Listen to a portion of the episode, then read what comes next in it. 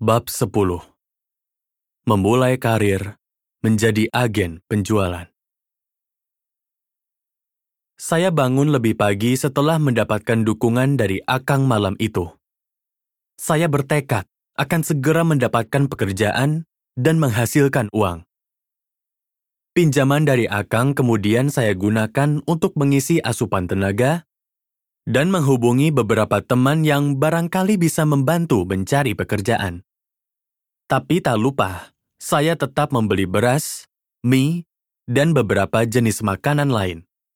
Bahan-bahan makanan itu saya beli untuk dimasak keluarga paman ketika makan bersama.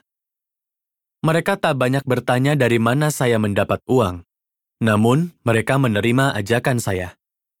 Lagi pula, saya juga tak tertarik untuk memberitahu mereka tentang asal uang yang saya miliki. Setelah makan bersama, saya pamit keluar untuk pergi menuju telepon umum terdekat. Saya pun mencoba menghubungi beberapa teman pada daftar yang saya buat di malam sebelumnya. Memang tak semua yang saya telepon menanggapi dengan tangan terbuka. Awalnya, mungkin pembicaraan dimulai dengan basa-basi yang baik-baik saja. Namun, setelah saya mengatakan kalau saya pengangguran dan butuh pekerjaan, Beberapa di antara yang saya hubungi mulai menjaga jarak dalam pembicaraan. Wajar saja, mereka tahu saya tak punya kerjaan dan pasti tahu kalau saya tak punya uang. Kepada beberapa yang bersedia menerima telepon saya dengan keramahan, saya jelaskan bahwa saya butuh pekerjaan segera mungkin. Memang tak semuanya mengiyakan atau memberi janji, tapi saya tetap tak putus asa. Saya terus mencari teman-teman dan menghubungi mereka agar saya mencapai target saya. Setiap hari pekerjaan saya cuma nongkrong di bilik telepon koin waktu itu. Akhirnya, suatu hari saya tanpa sengaja, saya bertemu Ci Eli di telepon umum. Dia orang Hokian asal Medan. Saya lupa bagaimana awal pertemuan kami, tapi saya bertanya soal pekerjaan ke dia. Ci, lagi nyari yang kerja ya? Tanpa disangka-sangka, saya langsung diajak ketemu bos dia. Namanya bosnya itu Pak Ho Sintio. Orang itu adalah seorang pengusaha. Ia berjualan sesuatu yang dinamakan list profile. Dia mempekerjakan saya sebagai agen penjualan atau sales di perusahaannya. Tanpa perlu melewati banyak tahapan perekrutan, ia meminta saya untuk datang ke kantornya hari itu juga. Saya langsung saja menyanggupi untuk menemuinya di daerah Harapan Permai, Bekasi. Ketika bekerja di situ, saya langsung diberi izin untuk tinggal di ruko tiga lantai milik si bos. Saya beruntung, tapi jujur saja, saya tidak ada pengalaman soal jualan sesuatu yang tanpa wujud. Kata bos, selama berjualan list profile, saya cuma menunjukkan daftar produk dan gambar pendukung kepada para pelanggan. Saya sangat jarang membawa sampel produk. Ketika awal masuk, saya tak tahu apa itu list profile, apa kegunaannya, dan kepada siapa saya akan menjualnya. Saya hanya pernah sekilas mendengar kata itu saat di toko bangunan dulu. Tapi, saya tak pernah mencari tahu seperti apa jelasnya. Sebab yang bertugas di dalam toko dan melayani pelanggan atau bertemu sales secara langsung adalah kawan saya Mamat, bukan saya. Saya memberanikan diri melakukan pekerjaan baru itu. Saya cuma berpikir, kalau saya sudah punya pengalaman berjualan. Baik jualan karet atau pakaian menjelang Imlek adalah pekerjaan lumrah bagi saya, Mama, dan juga Papa. Saya tidak tahu akan berjualan dengan cara apa, tapi tekad saya saat itu hanya satu, dan tekad itu sangat kuat. Saya ingin menghasilkan uang. Saya sampai di kantor lalu dijelaskan bahwa pekerjaan saya adalah menawarkan barang kepada toko dan orang-orang yang membutuhkan barang untuk dijual. Apa pun barangnya, pasti ada di kantor saya bekerja sehingga saya bebas memilih apa saja yang akan saya tawarkan. instruksi yang saya peroleh masih abstrak. Karenanya, saya perlu memutar otak. Bagaimana dan apa yang bisa saya jual dari sekian banyaknya jenis barang di hadapan saya? Hal pertama terlintas dalam pikiran saya adalah pengalaman di toko bangunan. Saya berpikir, mungkin sales barang-barang bangunan baik untuk saya. Tapi, karena masih junior dan butuh pelatihan, saya mendekati seorang agen senior bahan bangunan dan saya ajak ia berkenalan. Setelah memberanikan diri untuk akrab, saya langsung saja memohon izin darinya untuk belajar cara kerja agen penjualan dengan mengikuti ke mana saja dia pergi. Permisi bang, boleh nggak saya ikut abang untuk berjualan? Saya punya pengalaman di toko bahan bangunan. Saya yakin bisa belajar banyak dari abang yang lebih senior. Untungnya senior saya itu bersedia memandu saya dengan satu syarat. Ia tidak memperbolehkan saya menjual barang yang sama dengannya. Saya kurang tahu apakah kerja bareng antara senior dan junior di tempat baru saya adalah hal lumrah. Tapi saya bersyukur diberi kesempatan untuk belajar. Saya tidak berpikir apakah si senior itu merasa iba pada saya atau apalah. Tapi yang jelas, dia adalah orang baik yang mengizinkan saya mengikutinya. Mulai saat itu, saya berjualan list profile. Setiap harinya, saya mengikuti senior saya itu ke mana saja ia pergi. Saya melihat kelihayannya menawarkan berbagai produk, dan saya menerka-nerka teknik yang ia pakai. Meski awalnya tak terlalu mengerti, tapi setelah terus-menerus belajar, akhirnya saya mulai menguasai macam-macam tips memenangkan hati calon pelanggan. Setelah mulai menghasilkan satu sampai sekian pelanggan dan cukup percaya diri, saya pun mencari kesempatan lain di luar keakraban saya dengan dunia material bangunan, seperti onderdil konstruksi dan juga kendaraan bermotor. Dengan demikian, sedikit demi sedikit penjualan saya terus menanjak. Perlahan tapi pasti, dan penghasilan saya pun makin bertambah-tambah. Saya senang bukan kepalang. Perlahan-lahan hidup saya akhirnya berubah. Saya kemudian memutuskan menyewa sebuah kamar kos tak jauh dari kantor. Saya akhirnya punya penghasilan yang layak dan pemenuhan kebutuhan sehari-hari saya mulai stabil. Saya memutuskan untuk bekerja sungguh-sungguh di perusahaan ini. Saya punya naluri yang kuat. Kalau di perusahaan inilah saya ditakdirkan untuk hidup. Dalam beberapa bulan saja, pemenuhan target penjualan saya bagus. Bos puas dengan hasil kerja saya, dan ia juga mulai menaruh kepercayaan pada saya. Bahkan, di tempat kerja kali ini, saya melihat secercah sinar yang lebih mendekatkan saya pada cita-cita. Setelah enam bulan bekerja, bos kemudian menawarkan saya untuk menjadi kepala cabang kantor di Bekasi. Sungguh, Bahagianya bukan main. Saya sangat berterima kasih pada bos, dan saya pun menyanggupi untuk ditempatkan di kota satelit itu. Pendapatan saya jelas pasti naik pesat. Kalau dihitung-hitung, penghasilan saya semasa itu sudah lebih dari lumayan. Gaji saya per bulannya mencapai sekitar 3 juta rupiah. Saat itu, harga dolar masih kisaran 1.300 rupiah saja. Dengan menerima penempatan di Bekasi, saya difasilitasi sebuah tempat kos secara gratis oleh kantor. Di sana, saya bertanggung jawab untuk berkembang bersama beberapa orang junior. Hidup saya sudah cukup nyaman saat itu. Saya mulai berkeyakinan bahwa menjadi kaya raya cuma soal waktu. Bahkan, pernah suatu malam saya melamun. Ah, apakah ini rasanya sejengkal lebih dekat untuk menaklukkan Jakarta. Perlahan tapi pasti hidup saya mulai mapan. Saya punya penghasilan tetap, bisa menabung, bisa membeli kaos, celana dan makanan yang layak, dan yang terpenting lagi, saya bisa mengirimkan uang lebih banyak untuk papa, mama, dan adik-adik di kampung. Saya ceritakan kisah pekerjaan baru saya yang jauh lebih baik, sehingga saya pun berjanji, bila saya sudah cukup dengan uang tabungan, saya akan mengajak mereka semua ke Jakarta untuk berjalan-jalan.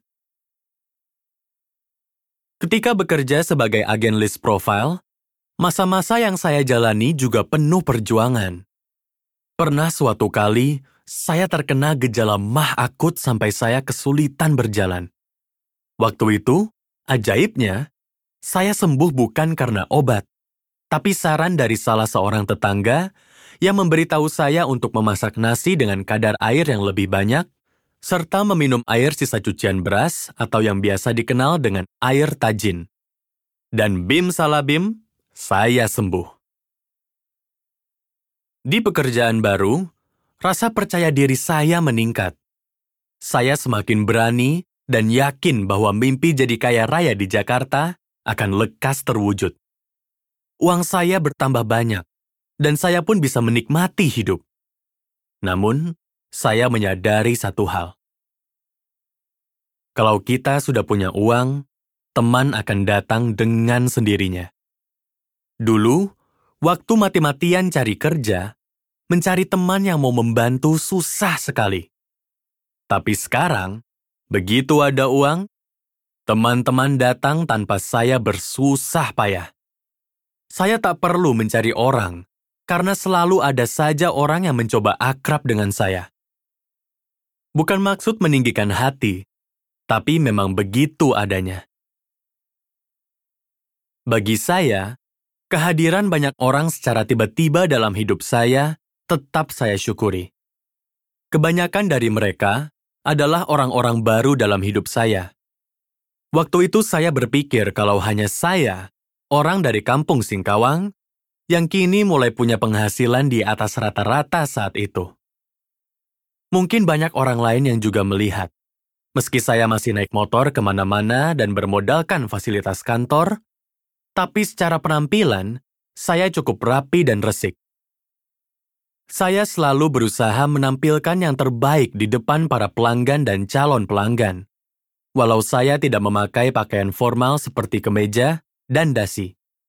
Saya juga percaya kalau posisi sebagai kepala cabang penjualan dengan beberapa anak buah ini adalah berkat totalitas saya dalam bekerja, meski saya hanya lulusan SMP. Selain itu, orang lain juga mungkin memandang saya karena bisa memiliki gaji yang lumayan tinggi di usia yang masih muda.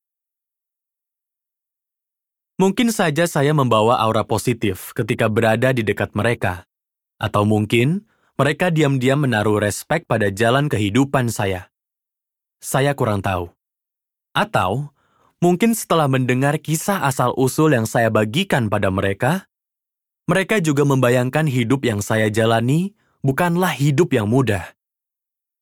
Berasal dari kampung yang jauh dari peradaban dan hidup di tengah kondisi serba kekurangan. Tinggal di desa dengan fasilitas yang minim. Bergerak lintas kota tanpa transportasi publik.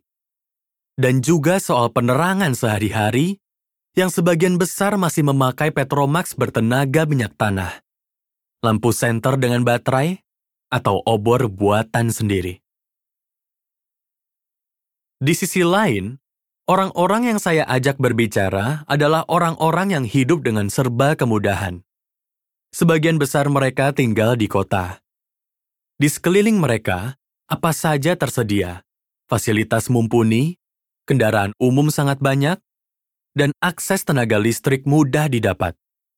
Pokoknya, di dekat Jakarta ini, apa saja ada dan tersedia. Bahkan, kalau ingin punya penghasilan cukup, Asal mau kerja keras dan turunkan gengsi, pasti ada pekerjaan yang bisa jadi sumber penghasilan, seperti halnya yang saya dapatkan. Sudut pandang saya yang khas tampaknya berhasil menghubungkan saya dengan banyak orang. Saya berteman dengan siapa saja dan dari etnis apa saja. Kadang, saya bertemu orang dari pelosok Jawa yang sangat santun dan halus. Pada kesempatan lain, saya bertemu orang Sumatera Utara yang bicaranya keras dan ceplas-ceplos apa adanya. Lalu, saya juga bertemu dengan orang dari Ambon yang punya jiwa berani dan lain-lain. Waktu dapat gajian pertama, saya langsung menceritakan apa pekerjaan saya ke Akang. Dia ikut senang mendengar info itu. Tapi, ketika akan mengembalikan uang pinjaman, dia malah menolak dan berkata kepada saya, Jaga baik-baik apa yang udah lu raih baik-baik, Fung. Ingat, kalau Jakarta itu keras. Sedikit aja lu bikin salah, lu bisa jatuh lagi ke titik terendah. Jangan berpuas diri, dan pintar-pintarlah nyari kawan. Saya sepakat dengan apa yang disampaikan Akang. Saya sangat senang masih bisa mendapatkan pengingat bagi diri saya ketika saya berada dalam kondisi yang berbeda seperti sebelum dan sesudah jadi agen penjualan. Mungkin hanya melalui pertemanan dengan Akang, saya bisa memahami arti persahabatan sejati. Saya belajar darinya untuk tetap saling mengingatkan ketika berada dalam posisi nyaman, dan tidak lupa saling menolong saat tertimpa masa-masa sulit. Tidak lupa, kami juga suka berbagi ketika meraih suatu pencapaian. Kian hari saya menjalani bisnis agen penjualan, Mulai dari satu toko sampai akhirnya merambat ke toko lainnya, hubungan saya dengan para pemilik usaha dagang itu juga terjalin dengan baik.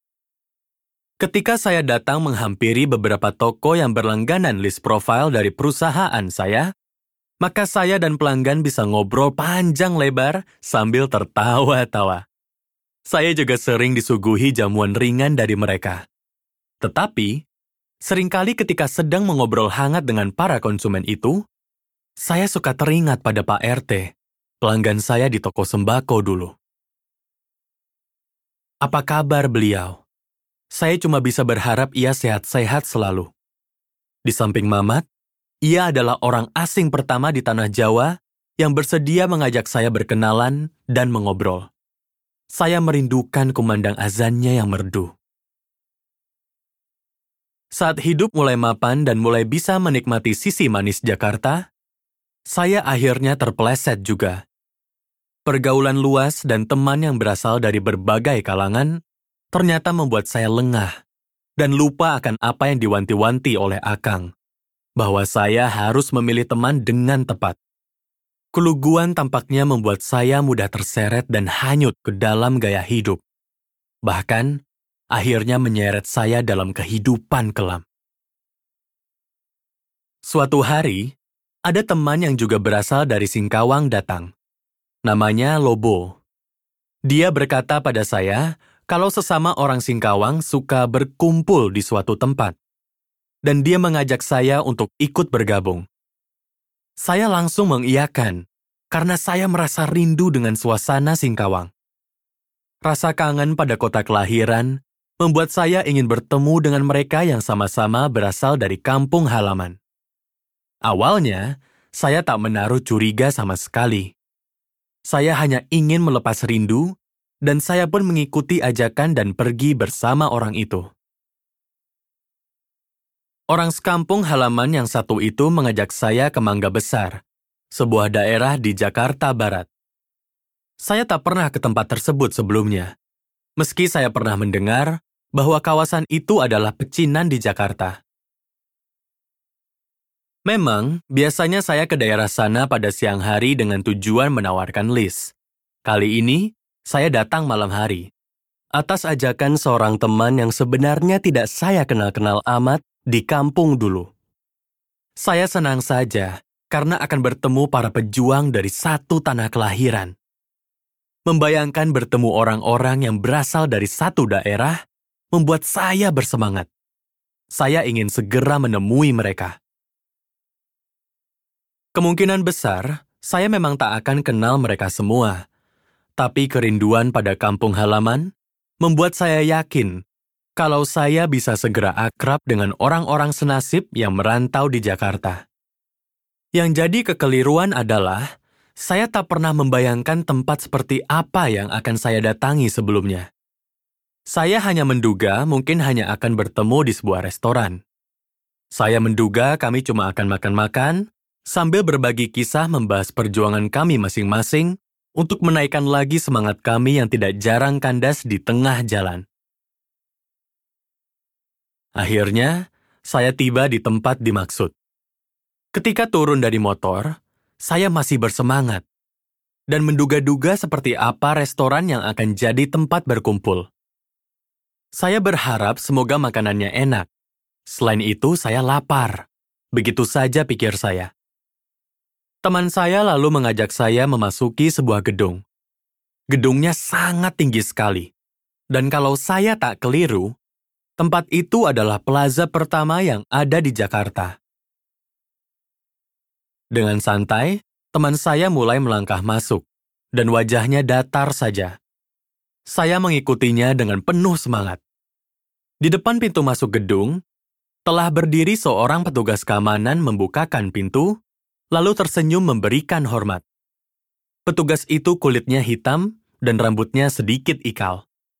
Saya menduga dia dari Ambon. Tapi, saya tidak terlalu menghiraukan hal itu. Teman saya tersenyum saja kepada penjaga pintu itu. Saya ikutan memasang muka ramah padanya. Kami terus melangkah ke dalam ruangan. Namun, Tak sedikit pun saya merasakan ada bau-bau khas restoran di gedung tersebut. Saya masih tetap tak menduga apa-apa. Saya terus mengikuti langkah teman saya itu. Lalu, kami berhenti di depan sebuah box di dalam gedung itu. Teman saya berhenti sejenak. Saya mengikuti apa yang dilakukannya. Lalu, pintu terbuka dan kami pun masuk. Teman saya kemudian memencet angka yang terdapat di dinding. Ada beberapa orang dalam box tersebut. Perlahan, box itu bergerak. Saya kaget karena itu baru pertama kalinya. Wah, ke mana box ini akan bergerak? Pikir saya. Namun saya masih diam-diam saja. Meski deg-degan, saya berusaha menyembunyikannya. Malu kalau mereka tahu saya grogi dan kebingungan. Setelah beberapa detik berlalu, pintu terbuka. Saya kaget lagi, tapi masih berusaha baik-baik saja. Gengsi juga kalau harus kaget sampai dua kali. Tapi saya takjub. Begitu pintu terbuka, ternyata saya sudah berada di ruangan yang berbeda. Hebat banget alat ini. Dan dalam hati saya bergumam, betapa ajaibnya alat yang saya naiki tersebut. Sungguh ajaib. Jujur saja, saat itu saya terkagum-kagum. Itu adalah kali pertama saya naik lift. Sarana yang membawa orang di dalamnya berpindah ruang ini jadi salah satu hal di Jakarta yang membuat saya merasa seperti baru saja menemukan mainan baru di masa kecil. Cukup seru dan menyenangkan. Memang terasa aneh saya bahagia hanya karena baru pertama kali melihat box besi yang bisa bergerak turun naik. Tapi begitulah adanya dari saya, yang baru saja menaiki hal semacam begitu. Tanpa diduga-duga, setelah tiba di tempat tujuan, saya tidak mendapatkan bayangan restoran sama sekali. Yang ada adalah tempat remang-remang dengan suara bising sampai memecah telinga. Sebenarnya kita mau ke mana, Bo? Akhirnya saya bertanya juga pada teman saya itu. Ini namanya diskotik, Fung. Tempat paling terkenal di Jakarta. Kita akan berjumpa orang-orang dari kampung kita di sini. Jawabnya sambil memamerkan hal yang sebenarnya bukan milik dia sama sekali. Saya tak banyak tingkah dan mengikuti Lobo berjalan. Entah akan ke mana ia membawa saya.